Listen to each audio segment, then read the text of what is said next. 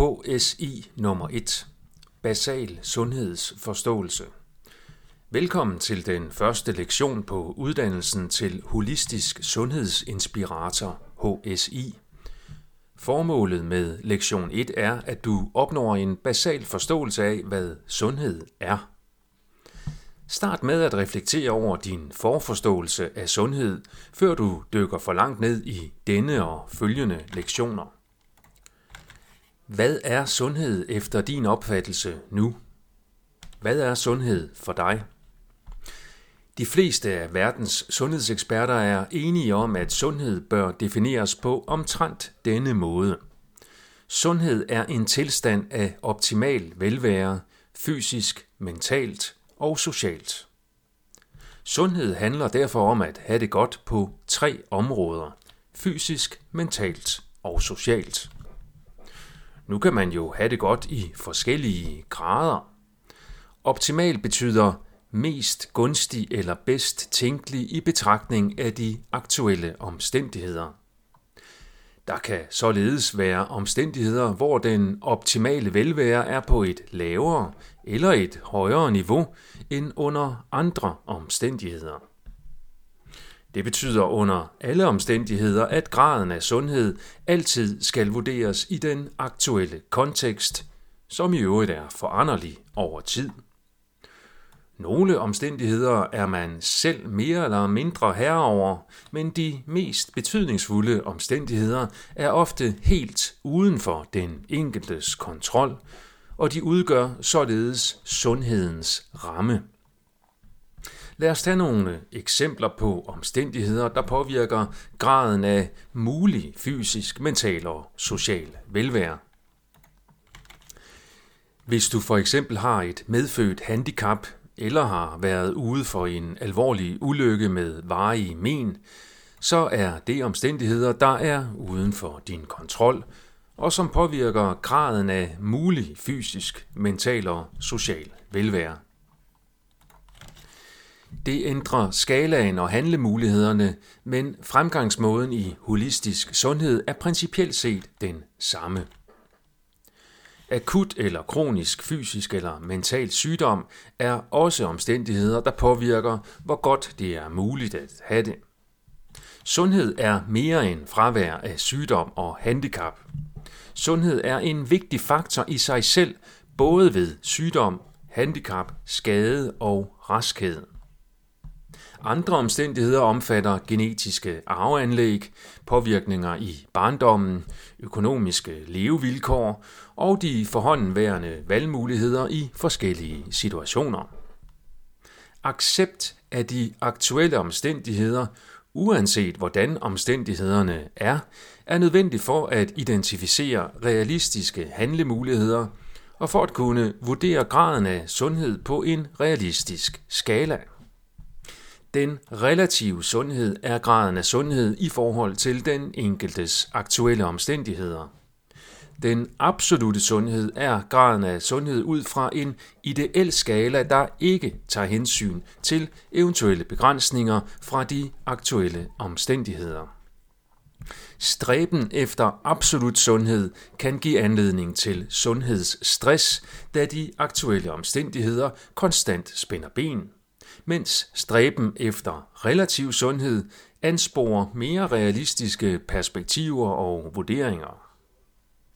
Uanset hvad, så er sundhed per definition altid subjektivt, da velvære er subjektivt. Det er en oplevet følelse. Der er således ingen blodprøver eller andre biofysiske målinger eller test, der kan måle, hvor sund du er eller bør være. Det fører videre til opmærksomhedens betydning for vurdering af sundhed. Jo bedre du er til at være opmærksom på, hvor godt du har det fysisk, mentalt og socialt fra dag til dag og fra øjeblik til øjeblik, des mere præcist kan du vurdere dit sundhedsniveau, forandringer heri, og hvordan forskellige faktorer og valg påvirker din sundhed. Din opmærksomhed er din vigtigste sundhedsteknologi.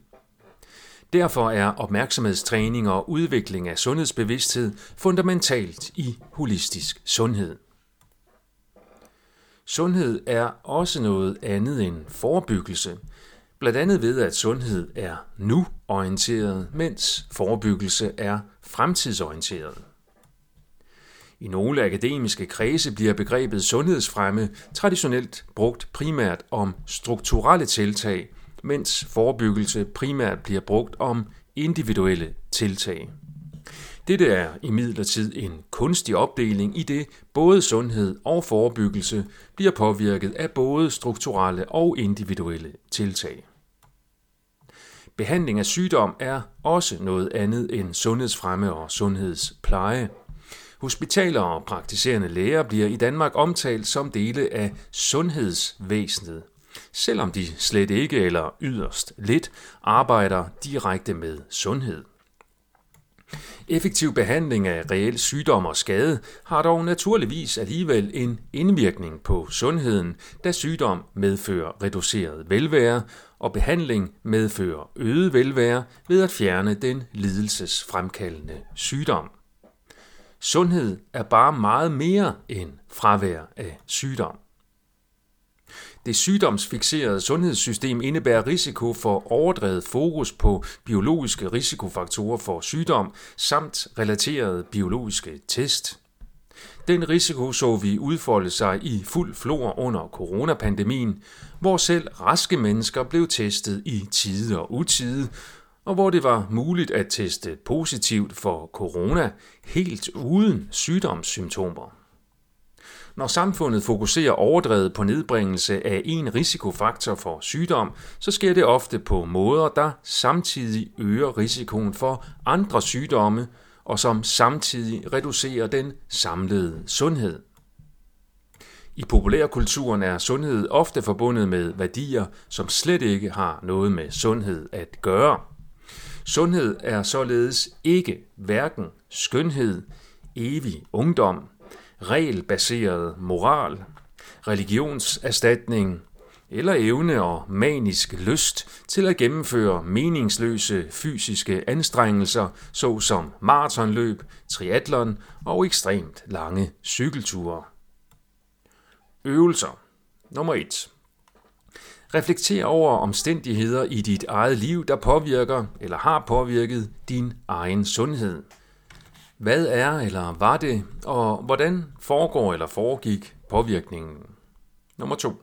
Reflekter over omstændigheder i udvalgte medmenneskers liv, der påvirker eller har påvirket deres sundhed. Hvad er eller var det, og hvordan foregår eller foregik påvirkningen? Nummer 3. Hvordan har denne lektion ændret din opfattelse af, hvad sundhed er? Er der noget, som du før troede, at sundhed er, men som du nu har indset faktisk ikke er sundhed? Og på den anden side er der noget, som du før havde overset, som faktisk også hører med i sundhed. Og til sidst nummer 4. Prøv at beskrive for en ven, hvad sundhed egentlig er, med dine egne ord.